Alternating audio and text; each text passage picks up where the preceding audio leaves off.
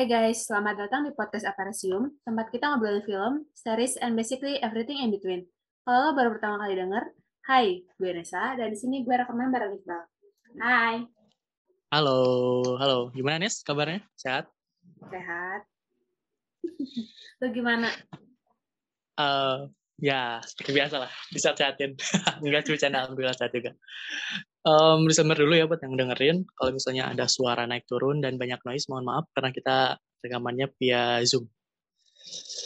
Oke, sekarang kita udah masuk episode 40 nih. Hampir setengahnya dari 100. Lucu nih. Gak kerasa ya, udah episode 40 aja sekarang. Gak kerasa udah mau satu tahun. Yep.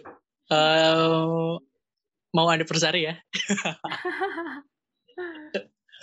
anniversary setahun bulan September ya, sebulan lagi. Iya. Semoga kita bisa ngerayainnya dengan nonton film bareng lah ya, minimal di bioskop. Amin. Sep Sep September itu ada apa sih yang seru? Lu inget nggak jadwal? Harusnya Sangchi. Oh iya, Sangchi ya. Ah, gua jadi agak was-was sedikit sih. gue mengharapkan bisa nonton. Seenggaknya kalau misalnya Black Widow kemarin gue sih agak sedikit mentoleransi sedikit ya nggak nonton biasa karena nggak terlalu nyambung dengan MCU tapi kalau Shang-Chi ini kemungkinannya dia agak sedikit bakal berpengaruh sih itu sama cerita MCU apalagi setelah uh, ada kejadian besar di series Loki. MCU ini kan alurnya benar-benar maju ya. Yeah. jadi aduh sayang banget kalau misalnya alur MCU kita nontonnya cuma di HP di laptop atau di TV sih. Maksudnya sensasinya nggak dapet kalau misalnya kita nonton bioskop. Semoga Dan, uh, kenapa? Ya karena kemarin abis kasus sama Scarlett Johansson si Disney hmm. langsung udah belajar nih. Jadi mereka tetap tetap berpegang teguh sama uh, kontraknya. Jadi nggak akan ada Disney di Disney Plus Premier dulu selama kurang lebih 40 hari Oke. Itu berita yang udah Neta sampaikan. Jadi karena kita udah ngomongin berita, langsung aja kita ngomongin berita ada apa aja nih seminggu ini. Mulai dari lu dulu deh. Ini yang paling penting dulu kayaknya nih. Seperti dendam, rindu harus dibayar tuntas. Kemarin baru aja yep. menang uh, piala Golden Leopard di Locarno Film Festival. Sumpah itu keren banget sih. Makin penasaran sama uh, filmnya dari gue terus terang ya setelah nonton trailernya sih gue nggak terlalu paham deh apa yang mau disampaikan. Gue kayaknya bukan bukan maksudnya orang lain kan suka itu karena lihat baca bukunya ya. Kalau gue kan enggak enggak gue masih awam lah ibaratnya. Gue pun nonton trailernya yang nggak bisa mengekspektasikan apa apa sih. Jadi mudah-mudahan filmnya beneran bagus ya. Kayaknya emang bagus kalau misalnya dapat gelar uh, gelar-gelar kayak gitu keren sih. Maksudnya itu kan piala itu tuh sama aja kayak best filmnya ya. Nah, apalagi hmm. itu tuh festivalnya festival film ternama banget. Bukan yep. yang ecek-ecek gitu. Kalau nggak salah pun ini katanya film Indonesia pertama ya yang dapat award gitu. Iya. Iya. Oke. Okay. Lu baca bukunya kan? Iya. Nah, menurut lu dari sudut pandang trailer dulu aja deh. Kayak gimana sih sebenarnya? Emang kayak bukan bukan untuk semua orang gitu deh. Soalnya ini uh, agak berat ya temanya uh, ngomongin feminisme gitu. Terus yep. kekerasannya juga cukup kalau di buku cukup digambarkan dengan berbahaya lah adegan-adegan kekerasannya. Mm -hmm. Ya semoga okay. terrealisasi lah. Soalnya ini Edwin kan. Oke okay, oke. Okay. Berbahaya dalam maksud di Indonesia ya. ya. Oke oke ngerti ngerti. Ya oke. Okay. Uh, eh, belum ada info ya ini film mau tayang bulan apa. Cuman kalau misalnya kita lihat di Indonesia uh, kemungkinan tayang bioskop juga nggak tahu. Kalau misalnya mungkin Indonesia terus-terusan ppkm berjalan mungkin kembali lagi alternatifnya ya ada di streaming service sih. Cuma nggak mau deh kayaknya ya kita kalau misalnya nonton film sebagus ini mungkin kalau nontonnya cuma di streaming service harus bioskop lah ini mah kelasnya ya kayaknya emang masih lama deh belum ada kontrak sama streaming service maksudnya soalnya baru mau tayang di TIFF kan hmm. Jadi ya harus sabar lah. Mungkin tahun depan. Oke, oke. Oke, lanjut Nes. Ada apa lagi? Nah, baru tadi sore juga ada trailernya Eternals. Trailer Oh Finals. Gimana tuh perasaannya? Ah, Ini lu ngerasa beda gak sih dari film Marvel yang lain? Iya, beda banget. Ini vibes-nya tuh kayak film indie banget sih. Iya, seriusan. Nah. enggak, enggak, enggak banyak warna gitu loh. Iya, iya benar. Ini tuh kayaknya si Kevin Feige-nya benar-benar ngasih keleluasaan buat si Chloe Zhao sih. Jauh ya. Dan ada tampang ya, ada maksudnya di, diperlihatkan gitu. Pemenang penghargaan Oscar, Chloe Ya, Zhao. pastilah. Itu ngebantu buat promo soalnya. Yep, bener sekali. eh gue sih nggak mau apa ya nggak mau terlalu banyak ngomong eh, soal MCU. Cuman kalau dilihat sebenarnya udah banyak yang curiga ya. Eh, kalau nggak salah di Falcon and the Winter Soldier juga udah dis- agak sedikit disindir kalau misalnya setelah snap snap Thanos itu sebenarnya dunia itu nggak benar-benar baik-baik aja gitu. Pasti Iya. ada efek akibatnya itu yang ternyata nanti diomonginnya di film ini. eh akhirnya MCU punya Superman gak sih? Tapi ke- keren sih. Si lasernya bukan warna merah. Oh iya. Biar biar nggak terlalu sama lah. Tapi Dan pakai yang main juga- sebenarnya Ah, ma- penasarannya sama si Angelina Jolie sih. Karakter si Angelina Jolie. Kayaknya badass Kenapa? banget deh. Lihat aja. Gif-gif gif-gif Yup. yang ada di Twitter tuh kayak wow. Gokil sih dia. Gue ngeliatnya dia kayak tokoh penyihir di film Magnificent Seven itu yang yang tayang di Disney yang jadi penyihir. Jadi masih ada vibes kayak gitu loh. Mukanya tuh kayak kelihatan serius gitu. Nggak bisa bisa diajak bercanda. ya. Terus dia Dan dia tuh karakternya sepupuan sama si Thanos loh. oh seriusan. Iya, si Tina tuh sepupunya Thanos. Makanya wow. oh ya, gue sih berharapnya tadinya ya eh, Eternal ini sebelum nonton trailer gue berharapnya emang konsepnya itu kayak orang-orang yang udah terpisah jauh terus dikumpulin satu persatu ternyata pakai konsep kayak gitu. Dan terus terang gue suka banget sih konsep kayak gitu. Jadi nyeritain ke per karakternya biasanya kalau misalnya satu-satu kayak gitu lebih jelas. Di trailer kan diliatin mereka itu aslinya berdua kan karakter siapa tuh yang dan mereka ngumpulin lagi setelah eh, berpisah berabad-abad dan kumpulin satu-satu dan penceritanya menurut gue bakalan bagus deh ah gue nggak sabar sih November.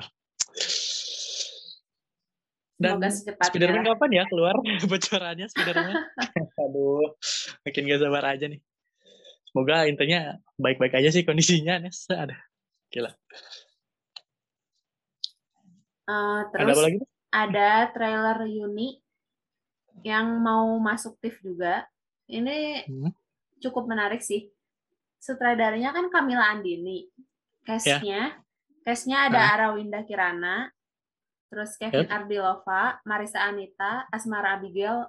Ya, kalau dilihat dari cast-nya udah cukup berat ya. Mm-mm. Premisnya juga lumayan lah. Soalnya dia tuh karakternya tuh eh, orang miskin gitu. Dia pengen kuliah, tapi ortunya tuh nyuruh dia buat nikah. Yep. Jadi dilema, dilema banget lah ya di Iya. Indonesia itu Ini sangat menggambarkan kayaknya- lah.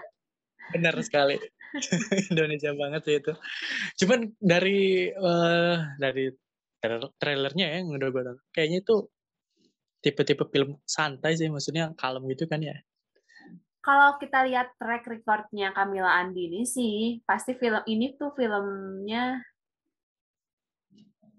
film berat lah intinya. oke nggak mungkin bisa ditonton satu kali lah ya mungkin tipe-tipe filmnya Yosep Angginun mungkin Iya, mirip-mirip kayak gitu. Eh, terus ini ada trailer judulnya The Sadness. Ini gokil sih kayaknya. Eh, film zombie gitu. Tapi Hmm. banyak darah. Terus si zombinya tuh lari. Dan dia dan yang bikin paling unik tuh si zombinya bisa ngomong ngomongnya ngomong Hah? bahasa manusia Indonesia ini atau luar? bukan Asia apa ya ini kayaknya Jepang atau apa ya kurang tahu pokoknya Asia Wah, dari ceritanya semenarik. Kalau lu uh, dapat IMP trailernya boleh tag dong. Gue di Twitter atau di mana pun. oke nanti gue penasaran. Itu gimana ceritanya zombie takut darah? bukan tak kok takut darah sih Tadi banyak kita uh, darah ah, tapi malah lari. bukan jadi si di kalau di trailernya tuh diliatin uh, per- awalnya di kereta Yep. terus karakternya tuh uh, cowok nih Oh. bapak-bapak Iya, iya. terus dia ngobrol sama perempuan gitu cewek Hmm. Ngegodain Oh, lah iya. intinya Ah. tapi si Oh yang ceweknya tiba-tiba ditusuk pisau ya? Yang tiba-tiba ditusuk pisau ya? ya ada adegan itu Oh. Iya, iya, iya. Gue udah nonton. Oh, iya, iya. menarik sih soalnya si zombinya bisa ngomong yang bikin penasarannya tuh wow Apakah ini uh, varian baru dari zombie?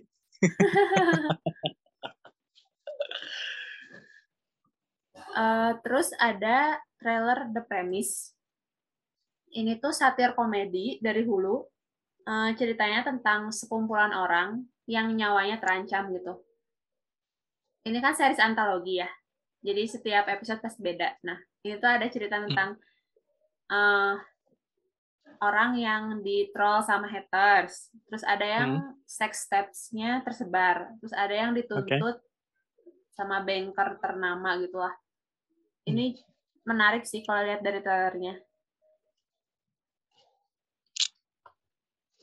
Eh, terus ada eh, berita dari kemarin tuh eh judulnya Exciting Times mau diadaptasi jadi series juga.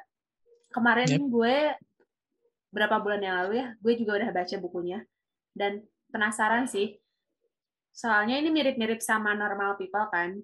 Dan Normal People itu salah satu eh, series favorit gue tahun kemarin. Nah, pemerannya itu eh, Phoebe Dynevor. Dia tuh main di eh, itu Bridgerton. Tapi yang bikin anehnya tuh dia selain jadi eh, Eva- nama karakternya Eva, eh, dia tuh juga jadi eksekutif produser. Padahal eh, dia tuh kan termasuknya art- artis baru ya. Setelah gue selidiki, ternyata orang tuanya juga kerja di di dunia perfilman gitu. Makanya dia bisa jadi eksekutif produser.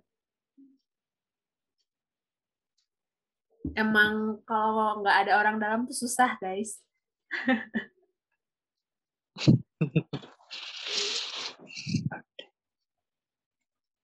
Oke, udah dari gue. Oke, gue cuma nambahin dikit nih. Pertama itu setelah kemarin eh, ada update terbaru dari filmnya Weregas ya, yang judulnya Penyalin Cahaya. Ini ada dua karakter baru yang baru diumumin. Pertama itu Lutesa, dia bakal berperan sebagai Farah, dan Ciko Kurniawan dia ba- berperan sebagai Amin. Berarti baru tiga cast yang udah diumumin ya dari filmnya Weregas. Ada satu lagi. Siapa? Kemarin si Jerome Kurnia. Jerome Kur. Oh, oke. Gue belum belum belum tahu tuh itu. oke, terima kasih Nesa tambahannya. gue di Indonesia cuma itu aja. Eh, buat di luarnya, ini kemarin kan minggu kemarin kita sempat bahas bagaimana Scarlett Johansson, terus diikutin sama Emma Stone dan Emily Blunt yang mereka eh, sedikit apa ya protes lah terhadap Disney karena film mereka cepet-cepet dibuat tayang di Disney Plus ya. Nah, cuman setelah kejadian itu kalau Scarlett Johansson kan bener-bener itu ya secara keras lah mereka maksudnya dia sampai bawa pengacara kayak gitu. Nah, kalau Emma Stone ini dia lebih mengingatkan aja mungkin ya. Soalnya dia baru-baru ini setuju buat eh, ngebintangin sequelnya Cruella filmnya kemarin. Aneh juga sih eh, setelah kemarin dia eh, protes, sekarang dia setuju buat tampil uh, di sequelnya Cruella. Mungkin yang tadi lu bilang bisa jadi kalau Disney sekarang udah mulai belajar lah gimana cara mereka menghormati kontrak uh, profesionalnya terhadap para artis dan aktornya. Uh, lanjut, uh, ini sebenarnya nggak terlalu penting, apalagi ter buat lu Nes, kalau Fast and Furious bakal dilanjutkan. Sebenarnya kalau gua dilihat dari website-website berita film udah ada rencana sampai 11, cuman kalau 11 nggak tahu kapan, cuman kalau Fast and Furious ya, ke 10-nya, film ke 10-nya, ini direncanakan tayang April tahun 2023. Satu lagi, uh, bocoran baru tadi sore sih keluar beritanya. Kalau si Sam atau uh, apa sih karakternya? Gue lupa Kapten Amerika yang baru lagi disebut dia bakal main di film Kapten Amerika 4 ya itu jelas sih sebenarnya. Nggak perlu diomongin. Itu aja sih berita gue sangat ringkas. Oke langsung ke rekap tontonan ya. Oke. Okay. uh, yang pertama mulai dari Nesa dulu deh. Silakan boleh. Uh, yang pertama itu ada Modern Love season 2. Hmm. Ini uh, mungkin nggak sesolid season 1 ya, tapi uh, nonton ini tuh tetap bikin hati hangat aja. Gue tetap suka sih. Lu udah nonton season satunya belum sih? Gue nggak nonton. Oke. Okay. Enggak uh, gue kasih nilai 3,5. Terus uh, akhirnya series The White Lotus udah tamat juga. Oh, gimana coba? Uh, secara garis besar? Udah sih ini ini series terbaik di tahun 2001 buat gue. Oke, okay, gue nonton. Okay. Ini cocok buat yang suka sama Succession, Big Little Lies, hmm. sama hmm. bahkan sedikit parasite. Oke. Okay. Uh, Nes, uh, lu kan kurang lebih tahu ya selera nonton gue. Kira-kira gue bakal suka nggak nontonin? Lu suka Parasite nya sih?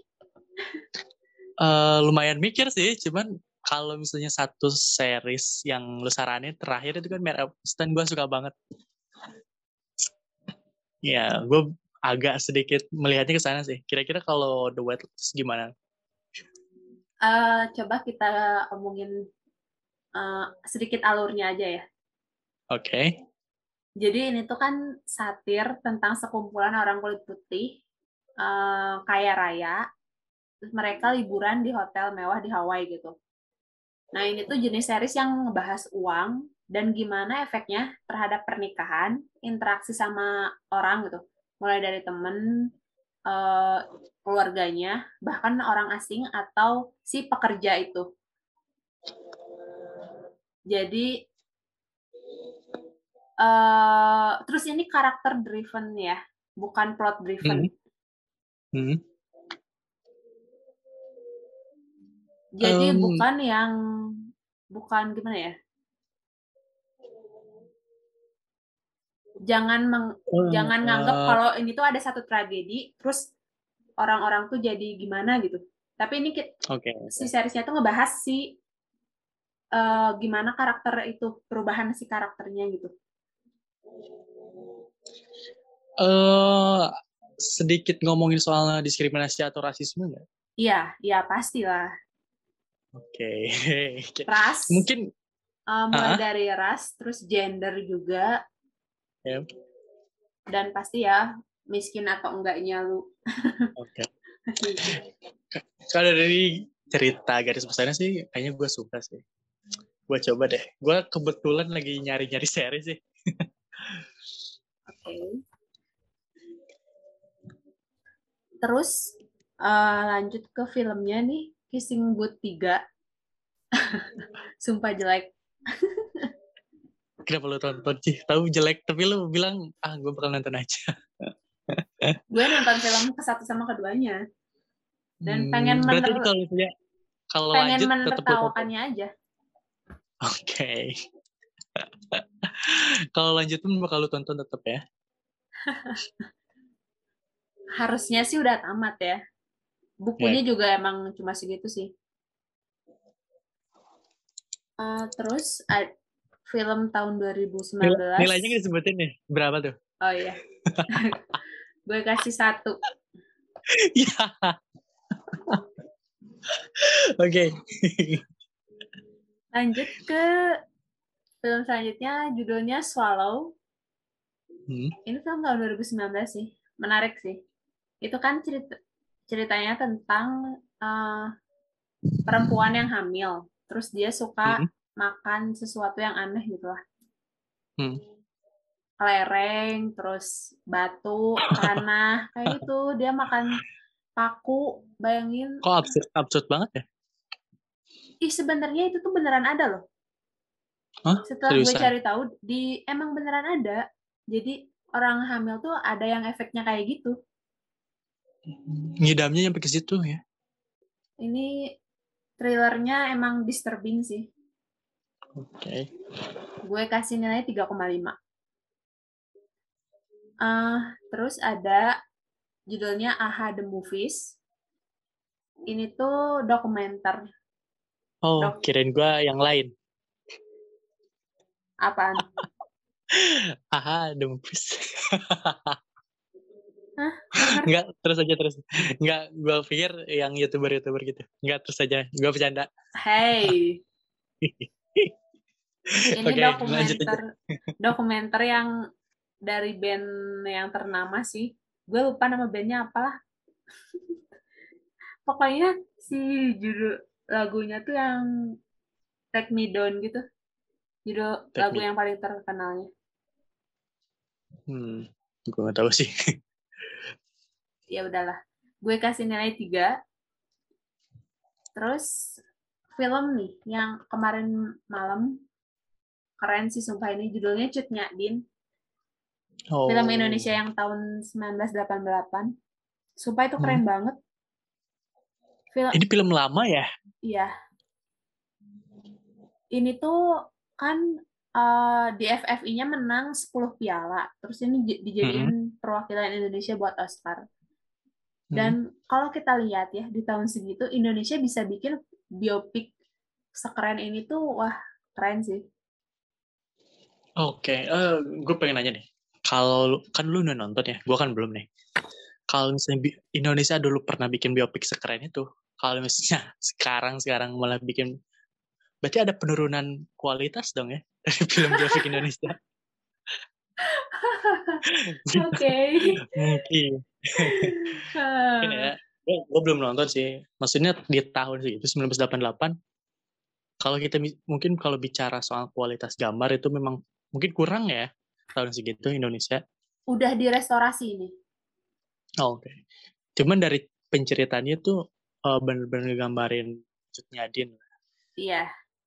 Ah, lu kepikiran nggak ah, siapa sih gitu? Cameo-nya banyak banget tuh. Yang, oh ya? Bentar. Uh, si kan itu pasti perang ya ini nyeritain perang dan hmm. ya kita tahu lah tahun segitu kan Indonesia wajar ya kalau misalkan tembak-tembakannya nggak terlalu bagus. Cuman si yeah, okay. penggambaran perangnya cukup keren lah pokoknya intinya. Si cameo-nya beneran banyak banget ribuan kayaknya ada. Banyak juga ya. Makanya, ini wah, bisa, ternyata bisa, Indonesia bisa bikin punya budget sebesar itu juga ya tahun 88. Mungkin uh, mungkin ya, mungkin. Tahun segitu uh, pemerintahnya masih mendukung ya. nah komen deh itu kan Soeharto ya. Soeharto yeah. kayaknya udah no komen itu. Oke, okay. um, maksudnya membandingkan uh, setelah kemarin seperti dendam rindu harus bertuntas kan berarti dia mengharapkan Indonesia dari bidang seni ya dari film setelah menang festival. Banyak kan yang speak up gitu di Twitter. Maksudnya cara cara pemerintah gitu membedakan gimana atlet dan gimana seniman gitu loh cara padahal sama-sama mengharumkan gitu loh. Dan dua-duanya emang yang satu dapat olimpiade yang satu dapat award di festival bergengsi. Maksudnya sama gitu tujuannya. Ya Iya. ya udahlah. Ini bisa nilai berapa budgetnya din Empat. wow oke Udah tontonnya sih. gratis ya di Mola Iya. oke udah Udah. oke gua karena minggu ini gua nggak nonton satu series jadi gua banyak banget nonton film minggu ini mulai dari pertama gua nonton film fiksi yang eh, bagus lah itu untuk putaran film tahun 2010 ke atas. Dan lumayan lumayan creepy sih. Ya, menurut gua Indonesia pernah bikin film-film yang maksudnya ya sesadis ini gitu loh. Ini bener-bener psycho ya. Cuman gua nggak nggak terlalu paham sih apa maksud dan tujuan gitu. Kenapa dia pengen kalau tujuan pengen ngebantu cerita atau bikin si tokoh karakter cowok di situ bikin lagi bikin novel dan pengen bik- ngebantu ngembangin ceritanya. Kenapa harus sampai ngebunuh orang gitu? Maksudnya gue agak nggak terlalu dapet sih di situ. Ya Gua emang dia eh, psycho aja sih. ya makanya itu dia alasannya. Gue kasih nilai 3,5 sih. Terus eh, gue nonton film Korea judulnya Hope ngomongin soal wah ini lumayan lumayan lumayan bagus nih menurut gue lu bakal suka film ini sih ini ngomongin anak kecil yang dapat pelecehan seksual pas berangkat sekolah terus dia eh diceritain gimana dia bisa bangkit dari kejadian itu. Lu harus cobain sih ya, kalau misalnya lu pengen rekomendasi ya biasanya kan gue terus yang minta rekomendasi dari lu. Ini kalau misalnya gue ngasih rekomendasi buat lo lo cobain film ini deh. Judulnya Hope film dari Korea Tahun berapa? Em, 2019 nggak Oh, tahu baru ya. 2018 Cukup baru. masih baru-baru lah ya. Lanjut gue nonton film Minamata yang akhirnya gue tonton. Ini kalau misalnya gue kan pernah bilang eh, ini kan ngomongin soal pencemaran lingkungan gitu ya jurnalis mau pengen ngangkat isu pencemaran di Jepang. Gue sempat membandingkan sama film Dark Water yang dibintangi sama Mark Ruffalo. Ternyata ya nggak bagus-bagus juga dan nggak jelek maksudnya ya pas lah kurang lebih sama lah 11-12 lah. Gue ngasih nilai 3 dan yang patut diapresiasi emang bener Johnny Depp-nya sih. Lanjut ini, ada film Indonesia judulnya Republik Twitter yang kayaknya ini harus bener harusnya rilisnya baru-baru ini ya bukan tahun 2013 gitu. Iya. cocok banget lah ini sama Indonesia sekarang. Jadi gue kasih nilai 3,5 terus Emang bagus sih itu. ya terus gue nonton film di, di Disney Plus ini gue tonton sebenarnya agak aneh. Gue kenapa pengen nonton film kayak gini? Gue lagi nyari-nyari gitu library-nya Disney lagi gue acak-acak. Terus muncul film ini. Lah dari posternya sih lumayan menarik ya kayak cewek ngeliat bulan gitu. Terus yang mainnya ada Nicole Kidman. Gue penasaran lah nonton. Ternyata filmnya nggak bagus-bagus juga. Gue kena kena aja sih. Gue tadinya pengennya nge, eh, menyelam library Disney Plus pengen dapat harta karun taunya cuma dapat sepatu boot di, di laut. Gue ngasih nilai dua. Absurd ya. ya gue gitulah. Nggak sebenarnya gue tiap tiap dapat eh, rekomendasi gitu atau rekomend lah dari orang tontonan gue pasti tulis di note di HP cuman pas kenyataannya pas nonton gue malah random banget deh nonton. Oke. Lanjut ada tiga hari untuk selamanya di Disney Plus juga. Ini ternyata konsepnya lumayan unik ngomongin orang orang-orang lah. Ngomongin dua orang yang perjalanan Jakarta Jogja. Eh gue sebenarnya nggak terlalu nangkep sih Nes apa yang mau disampaikan gitu sama filmnya. Cuman gue suka aja nontonnya gitu. Oke. gue ngasih nilai 3 lanjut ada film judulnya Jolt J O L T yang tadinya gue eh, prediksi ini bakal kayak agent-agent perempuan gitu. Ternyata enggak ini malah meh banget filmnya. Dan ceritanya juga absurd. Gue ngasih nilai 1,5 lanjut ada Serigala Langit yang kemarin tadinya mau tayang di bioskop malah tapi malah jadi tayangnya di Maxstream ini sebenarnya aduh gue agak menyayangkan sih ini maksudnya Indonesia kapan lagi gitu punya film perang tapi uh, versi udara gitu maksudnya angkatan udara. Cuman eksekusinya uh, nggak terlalu apa ya nggak terlalu mewah gitu. Malah yang diangkat dramanya daripada action gue menyayangkan itu sih. Gue ngasih nilai dua. Lanjut ada Fast and Furious 9 gue ngasih nilai 2,5 gue nggak bisa ngomong panjang. Nggak usah nggak usah dibahas itu. Terus ada Jungle Price yang ditanya dibintangin sama Dwayne Johnson sama Emily Blunt.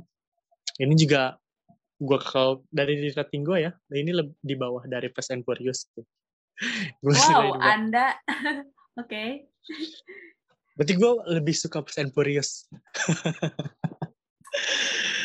Um, terakhir uh, eh, gue nonton film Indonesia yang lagi rame. Judulnya selesai. Dari rating gue sih gue nggak bisa ngomong panjang ya. Gue ngasih nilainya satu. Udah nggak usah bahas itu. Itu pasti bakal panjang. Oke. Okay. oke okay. buat uh, minggu ini kita bakal sedikit bahas uh, review film Koda ya yang tayang di Apple TV mungkin uh, eh, gue pengen membandingkan dulu sedikit sih. Dibanding Sound of Metal ini kan ngomongin tunarungu ya kurang lebih sama. Iya. lu lebih berat ke mana sih? Lebih suka ini sih. Gue udah lupa malah cerita Sound of Metal kayak gimana. Sama sih sebenarnya.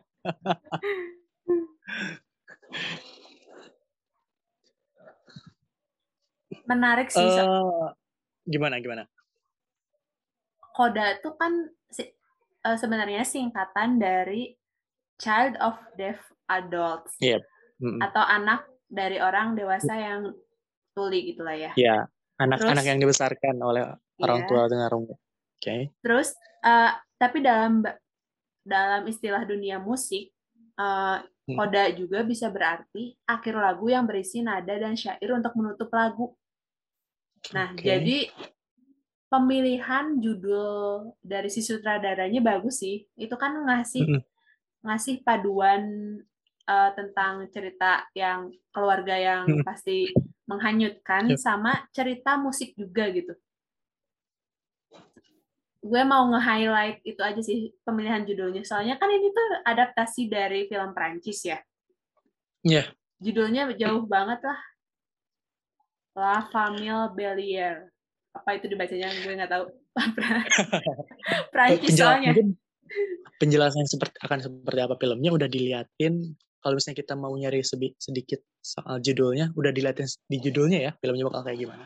Iya. Ngomongin uh, orang yang disabilitas tunarungu dalam maksud dan musik. Mungkin kalau misalnya kita awam, koda mungkin koda apa sih sebenarnya? Kalau misalnya kita lihat dari film pun sebenarnya nggak ada di disindir sama sekali. Koda itu maksudnya apa? Ya ini mah uh, terserah kitanya mau nyari tahu nggak sebenarnya koda itu maksudnya apa. Um, dari kan barusan lu bilang ini sebenarnya adaptasi dari film Perancis ya. Lu tertarik nggak nonton film versi Perancisnya? Uh, nggak dulu deh. Enggak dulu deh. Okay. gue sih udah masuk wasos ya. Gue coba nonton minggu ini. Saking sukanya sama film ada maksudnya. Oke. Okay. nah, kalau dari secara keseluruhan ya, cerita Koda ini apa sih yang bikin unik dibanding sama kita bandingin sama Son of Metal ya, yang mungkin kita memang udah lupa sama Son of Metal kayak gimana film tapi yang ciri khas dari film ini apa sih? Uh, gini ya, kan udah banyak film keluarga yang ngebahas seorang anak yang meyakinkan orang tuanya terhadap bakat yang dia punya gitu. Mm-hmm. Tapi yang bikin yeah. film ini spesial itu si Ruby itu nggak punya privilege itu. Kan orang tuanya uh, tuli, sedangkan dia ke bakatnya dia itu kan musik. Jadi kita tuh bisa mempertanyakan gitu, gimana sih filmnya bisa ngasih dampak emosi ketika uh, si karakternya aja susah gitu buat susah buat nangkepnya gitu kan sampai si ibunya yep. tuh kayak ngasih uh, jokes juga si ibunya bilang e, terus kalau aku buta emang kamu mau bilang kamu mau jadi pelukis itu sebenarnya Iya, ironi benar. tapi lucu sih Iya. Itu gue gue lihat ekspresi Ruby pun dia kayak kayak bingung ya. Iya. maksudnya apa gitu. Ya, maksudnya mungkin ibunya menganggap kalau si Ruby ini sedang bercanda ya. iya Udah tahu dari keluarga tunarungu dia pengen bercita-cita jadi pemusik. makanya ini unik banget sih Dan setelah gue cari tahu ternyata ini yang emang keluarga itu semuanya dari luar dari filmnya ya, emang bener disabilitas tunarungu ya.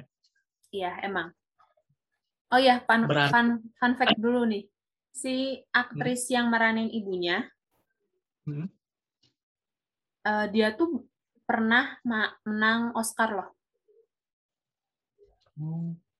Tahun berapa tuh? salah satunya eh, salah satu eh, karakter yang tuli beneran tuli gitu Hmm. dan dia menang Oscar tahun 80 berapa ya tahun 80-an pokoknya Em, tahun 88 bareng sama Cut Nyadin dong ya. iya benar Cut Nyadin dia diajukan ke Oscar. Ternyata yang menang ini. gue berarti mengasap apresiasi setelah tahu info itu ya. Kalau di keluarga itu yang eh, tokoh ayah, tokoh ibu, dan tokoh si Kevinnya itu mereka emang benar-benar tunarungu. Berarti kita harus mengapresiasi lebih si tokoh Ruby sih mau belajar gimana cara ngomong ngomongnya itu. makanya dia tuh eh, gue tahu dia tuh dari eh, sebelumnya tuh dari series Lock and Key nah di situ tuh dia jadi remaja yang nyebelin banget lah pokoknya karakternya nyebelin Hmm, banget oke. makanya pas dia Ya. langsung main film ini tuh wow peningkatan aktingnya tuh kayaknya drastis banget sih Yep. kayaknya abis ini dia langsung di- banyak tawaran Wah.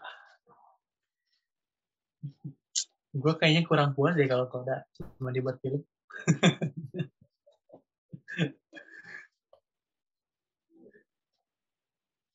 Terus- kita ngomongin eh, gimana? Terus aja. Oke. Yang bikin ini tuh uniknya tuh alurnya tuh kayak ngasih tahu kalau film ini tuh nggak ngeliatin benar atau salah gitu loh. Hmm. Kan si karakter wajar ya eh, orang tuanya eh, mendahulukan si itunya kan bisnisnya. Tapi kalau kita pikir lagi, si Ruby kan semasa hidupnya dia udah jadi penerjemah ya. Jadi wajar Hmm. juga dia eh, pengen sekali-kali gitu buat mentingin masa depannya dia kan. Eh, jadi si alur ngasih si alurnya tuh kan ngasih pendapat kalau filmnya tuh nggak nggak ngasih tahu kita buat menurut lu film yang bener eh alur yang bener atau salah tuh kayak gimana tuh ya gitu jadinya unik gitu. Oh, Oke. Em, tokoh, gue pengen ngomong, pengen nanya soal tokoh Kevin. Dia kan sempat eh, marah gitu ke Ruby karena dia seolah Sorry, keluarga itu soal sorry sebentar. Karakter kakaknya tuh Leo, bukan Kevin. Oh Leo, sorry, gue juga salah berarti. Kok Kevin ya kepikiran gue. Eh, tokoh Leo di sini kan sempat marah ke tokoh, eh, si Ruby ini karena dia so, eh, karena soal keluarga ini meng, mengspesialkan Ruby lah karena dia bisa Iya. bicara ya. Iya. Eh, gue sih maksudnya ngerti sih kenapa si Leo eh, Leo marah. Kalau gue nanggapnya mungkin karena si Leo ini anak pertama kan, tanggung jawabnya lebih besar lah ibaratnya. Iya. Tapi dia nggak bisa berbuat banyak gitu. Gue nangkep pas dia lagi bernegosiasi di pasar ikan dengan yang pengepul itu, tapi ada si Ruby datang, kalau ternyata si Leo ini ditipu harga gitu sama pengepul itu. Gue sih Iya. paham banget berarti gimana. Dan maksud gue perbandingan Leo sama Ruby di sini tuh nggak timpang gitu loh. Iya, benar. Eh, belum ada jokes kentut dari bapaknya nih yang lu mau sampein. Iya itu. Gue suka sama komedinya sih. komedinya tuh kayak ya tadi yang ngomongin alasan Tuhan menciptakan kentut. Iya. Terus yang Kenapa kan itu bau ya? ya. Terus yang ini nih, larangan eh, dia nggak si Ruby nggak boleh dengerin musik di meja Hmm. makan, tapi si kakaknya malah boleh main Tinder. Iya. Itu kan kocak ya sebenarnya. gue tuh pertama nggak nangkep loh. Kenapa? Maksudnya kenapa nggak boleh dengerin musik, tapi main Tinder boleh? Maksudnya itu kan kirain gue tujuannya menghormati semua orang yang di situ buat. Iya. Ternyata enggak ya, enggak ke situ. Karena kalau ngedengerin musik dia menikmatinya cuma sendiri. Nah itu makanya komedinya unik sih, Eh, Iya, bener. mengedukasi gitu. Ini ini nama, baru nih namanya kita dapat film emas nih. Teman-teman kita review mingguan dapat film bagus.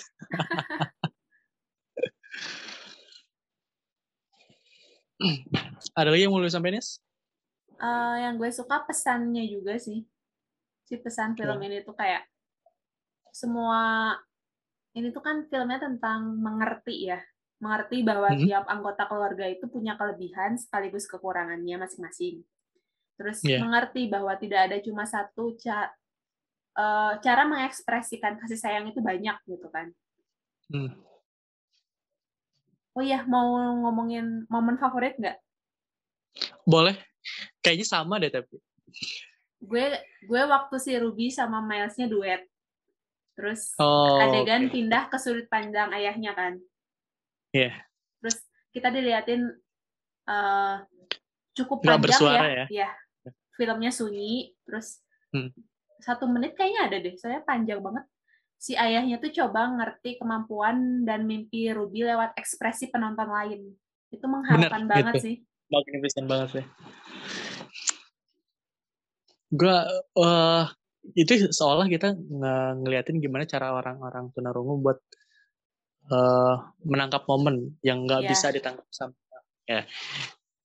Bapaknya ini pengen ngerti, maksudnya pengen mencoba apa ya? eh, yang ditampilin sama Ruby ini pengen ikut menikmati lah. Dan caranya dengan cara lihat orang-orang lain yang menonton. Ah, gue tuh dapat sih. Cuman kalau gua momen momen spesial yang gua suka itu eh, adegan Ruby terakhir sih pas nyanyi tapi dia sambil eh, ngobrol sama keluarganya mas ngerti nggak maksudnya? Iya, ya ngerti ngerti.